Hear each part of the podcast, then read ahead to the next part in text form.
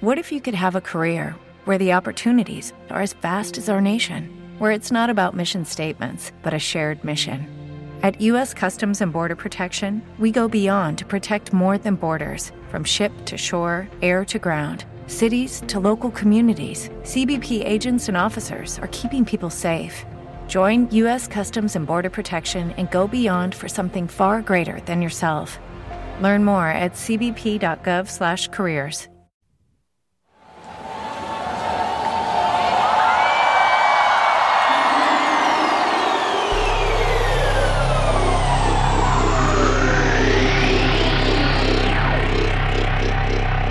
Dit is de Dagelijkse Standaard podcast met Michael van der Galien.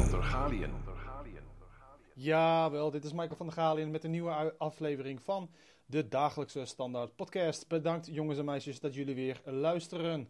We hopen er iets moois van te maken.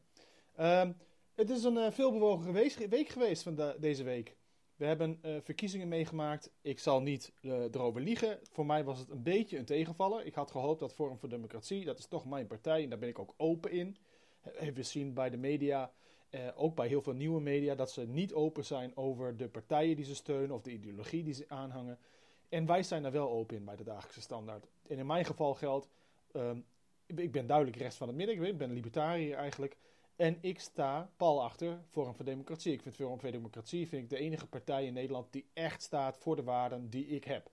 Dus tegen woke, tegen deugen, voor uh, maximale vrijheid op individueel niveau, voor goede maximale vrijheid op economisch niveau, voor het behoud van belangrijke waarden die helaas aan het uitsterven zijn bij ons.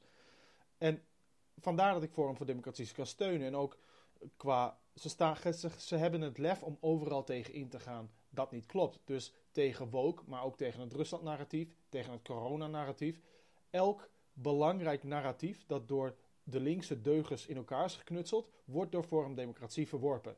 En daarom steun ik Forum voor Democratie. Ik vind dat we daar eerlijk over moeten zijn en ook uitgesproken.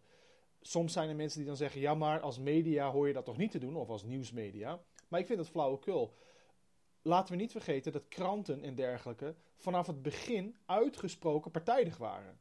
Ze waren niet objectief, ze waren niet neutraal, ze waren subjectief en ze waren uh, bevooroordeeld. Maar wat hun van elkaar onderscheidde was dat ze daar open over waren. Dus ze zeiden, als zij bijvoorbeeld in dit geval, als in de 17e eeuw, 18e eeuw, als zij dus een partij als Forum voor Democratie zouden steunen, dan zouden ze daar eerlijk voor uitkomen. En als dan een andere journalist van, ook van, hetzelfde, van dezelfde krant bijvoorbeeld een andere partij steunen, dan zou je dat ook hardop zeggen. Nou, ik doe dat ook. En ik denk dat dat de enige juiste manier is om in deze tijden juist het vertrouwen van mensen terug te winnen voor de media. Want de, media, de kijkers en de luisteraars en de lezers, die weten dat wij bevooroordeeld zijn. Ze zijn niet achterlijk, ze lezen de krant of ze lezen de website of ze kijken het journaal en weten dan van nou, dit is, komt vanuit een links perspectief of van een pro-PVDA perspectief of D66. Hè. We noemen niets van niks de NPO ook wel NPO 66.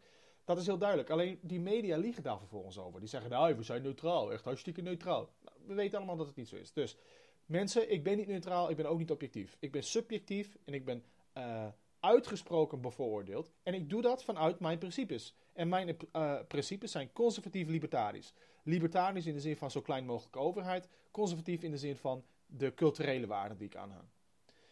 Dus daarom was ik teleurgesteld dat Forum voor Democratie toch wat minder uh, florissante, uh, florissante resultaat had dan ik, uh, dan ik gehoopt had. het goede nieuws is wel dat Forum voor Democratie in elke provincie terugkomt. Hè, nadat ze zich hadden afgesplitst was dat toch wat anders. Maar nu komt Forum voor Democratie overal in elke alle twaalf provincies terug. En dat is toch wel heel goed nieuws. Het slechte of minder, het minder mooie nieuws, ik vind het niet slecht nieuws, want ik bedoel, laten we eerlijk zijn, Forum voor Democratie had natuurlijk maar één zetel in de Eerste Kamer bij de vorige verkiezingen, daar hamerden de media steeds op, waren dat er twaalf. Maar feitelijk waren het er maar, was het er maar één. Want de afsplitsers van JA 21, uh, de hele, bijna de hele Eerste Kamerfractie is meegegaan met Annabel Nanninga en Joost Eertmans. Uiteindelijk was het alleen uh, Johan Dessing die overbleef. Dus het is een verdubbeling van het aantal zetels in de Eerste Kamer. Laten we daar ook niet, uh, niet lullig over doen.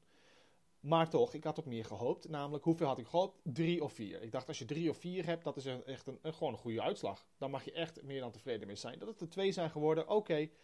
Uh, niet wat ik had gehoopt, maar wel uh, toch een duidelijk signaal weer dat, dat, dat FVD wel degelijk natuurlijk een, een partij is die, uh, dat een blijvertje is gewoon.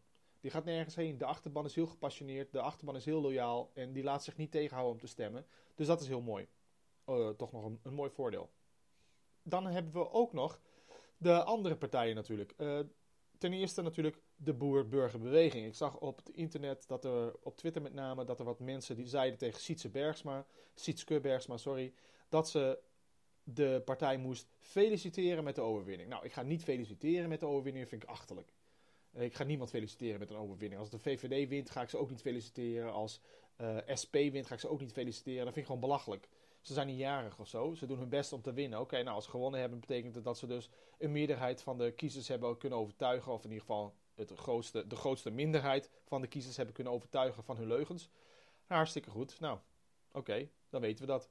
dat het, is geen, het is geen kinderfeestje of zo. Nou, BBB heeft dus gewonnen. Ik denk dat de reden daarvoor best wel duidelijk is. Iedereen in Nederland is klaar met het kabinet. Iedereen vindt de stikstofregels veel te ver gaan. En iedereen wil dat daar iets anders mee gebeurt. Of iedereen, een significant deel van de bevolking moet ik zeggen. Want we moeten niet vergeten dat ook nog ChristenUnie, D66, GroenLinks, hè, die linkse, de kartel heeft, het kartel heeft wel gewoon een meerderheid nog in de Eerste Kamer. Laten we er eerlijk over, over zijn. Alleen moet daar de kanttekening dan weer bij gemaakt worden dat veel VVD'ers en veel CDA-kiezers natuurlijk eigenlijk meer sympathiek, uh, sympathie hebben met het BBB-standpunt dan met het D66-standpunt op stikstof en klimaat. Dus, oké, nou, waarom hebben die mensen op gestemd? Ze willen dus allemaal af van het huidige beleid. Ze willen een frisse wind. Ze willen dat het stikstofbeleid wordt gestopt. En ze willen dat immigratie in halt wordt toegeroepen. En zo verder. Duidelijk, een duidelijke proteststem, maar ook wel een duidelijke proteststem met een visie van wat ze willen. Het probleem is alleen dat de boer-burgerbeweging van Caroline van der Plas die dingen eigenlijk helemaal niet wil. En na de verkiezingen was bij de NPO, waren ze ineens heel eerlijk, zeiden ze, ja, en uh, Caroline en haar kornuiten willen eigenlijk helemaal niet af van het stikstofverhaal. Wat zij willen is dat in plaats van dat de grens, dat de deadline 20, 2030 is, daar willen ze 2035 van maken. En oké, ze willen inderdaad geen gedwongen onteigenen van boeren. Dat is een belangrijk standpunt en dat, dat, daar sta ik achter, fantastisch. Maar die, dat ene punt, de klimaatregelen, de stikstofregels niet implementeren voor 2030, maar weer wel voor 2035, dan heb je dus gewoon uitstel van executie als boer en als land feitelijk. Dat helpt helemaal niemand. Het is een puur technisch verhaal. En daarom zie je nu ook dat VVD ineens toch, en, in de, in de, en CDA ook, toch met BBB willen samenwerken. Of in ieder geval willen verkennen. En kijken of er iets valt te regelen. Rutte heeft nu gezegd, de eerste dag na de verkiezingen, of de avond van de verkiezingen, zei hij dat er niks zou veranderen. Want ach, wij hebben toch een meerderheid, we moeten zaken doen met serieuze partijen en zo verder.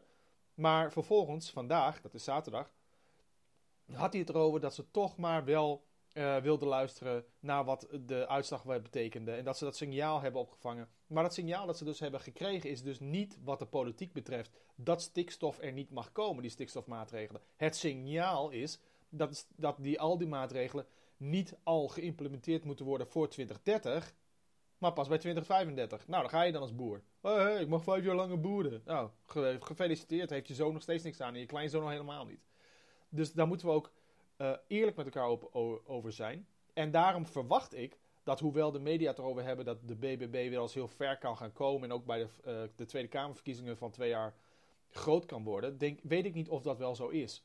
Want ja, je zou denken aan de ene kant, het is natuurlijk ook zo dat mensen dan gaan zien straks dat er deals worden gesloten. Dan zeggen ze wel, je zegt hier 2035, maar we willen gewoon doorgaan met onze boerderij. Niet slechts tot 2035, maar altijd. Dus dat kan een punt worden. Aan de andere kant kan het ook zo zijn dat BBB met dat partijkartel gaat zitten en dat ze gewoon met elkaar afspreken. Luister mensen, we gaan het uh, voor ons afschuiven tot 2035. Als er dan in de tussentijd rechtszaken komen van die linkse organisaties, dan zien we dat wel, daar dealen we mee. Dan kunnen we dat ook uitleggen naar de boeren toe en naar de burgers toe. Van nou, wij willen het eigenlijk ook niet, maar we moeten. We worden gedwongen. Uh, maar tegelijk ook, 2035 is natuurlijk alweer 12 jaar van nu. Nog maar 12. Dus je kunt dan zeggen, nou, we gaan het er gewoon de komende tijd niet zo heel erg obsessief over hebben.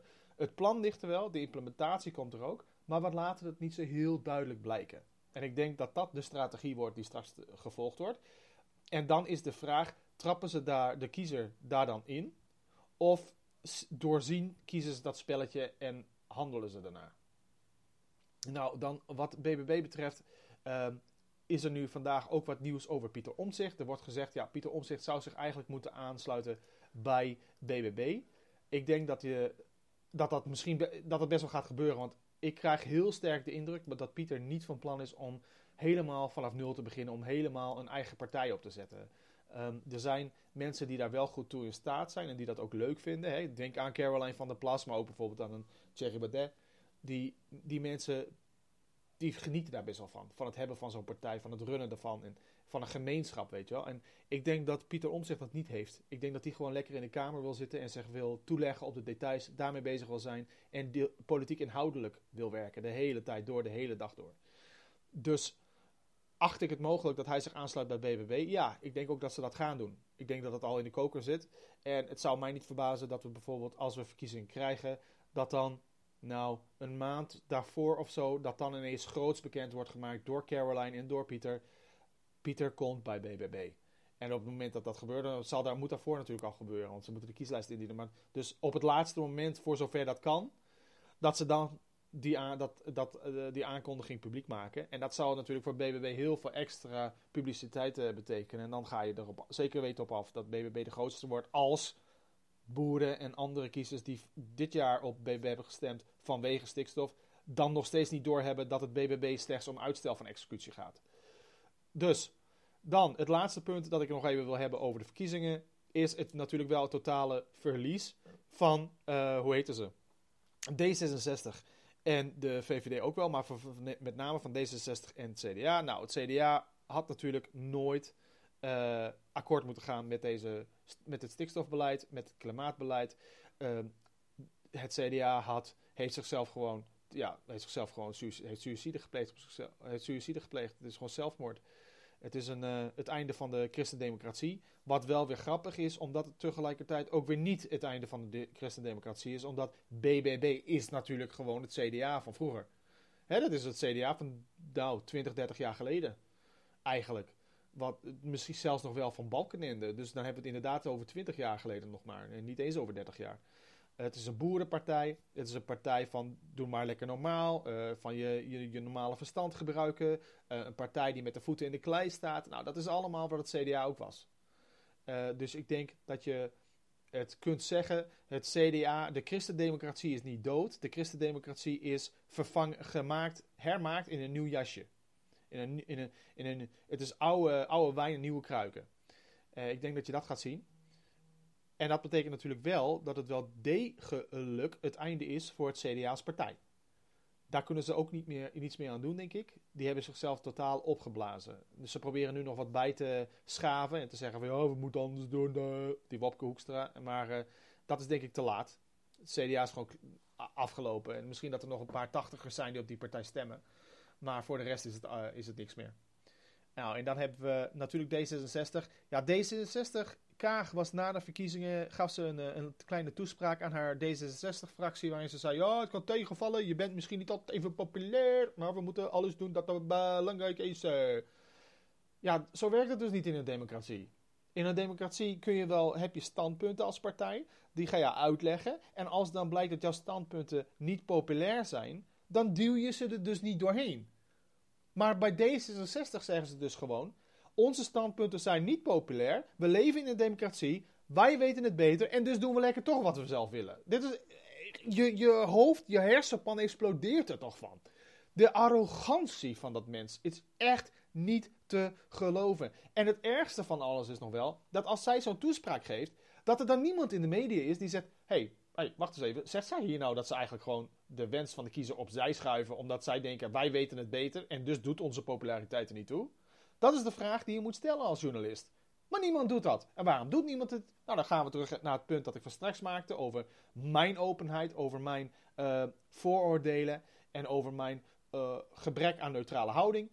Zij doen net alsof ze neutraal zijn. Zij doen net alsof ze objectief zijn, maar dat zijn ze dus niet. Ze zijn gewoon pro-D66. De NPO en ook het, de kartel media en de print, hè, de kranten, dat zijn gewoon D66-blaadjes en VVD-blaadjes. Dus ja, dan moet je daar, als je dat dan hoort en zij stellen die vraag niet, nou, dat wordt daar weer door bevestigd. Alleen is het wel vervelend dat je dus ook ziet dat heel veel mensen zichzelf de vraag niet stellen. Dus dat heel veel Nederlandse burgers nadat uh, naar dat fragment kijken van Kaag, die zegt: Ja, onze boodschap is niet altijd even populair, maar het is belangrijk dat we het doen. En dat heel veel mensen dan ook niet 1 plus 1 doen. 1 plus 1 is 2. Dat mensen dat niet verbinden. Niet zeggen van, hé, hey, wacht eens even. Ze zegt hier nu dat ze, dat ze niet altijd populair is, maar dat het niet uitmaakt, dat het belangrijk is wat ze doet. Dus betekent dit nou dat ze de democratie dan feitelijk gewoon opzij schuift? Ja, dat betekent dat ze de democratie feitelijk opzij schuift. En dat bewijst ook maar weer eens dat niet FVD, maar D66 het grootste gevaar is voor onze rechtsstaat en ook voor onze democratie. En daar wil ik het voor nu bij laten. Steun ons en ga naar onze website dagelijksestandaard.nl voor meer informatie, nieuws en updates.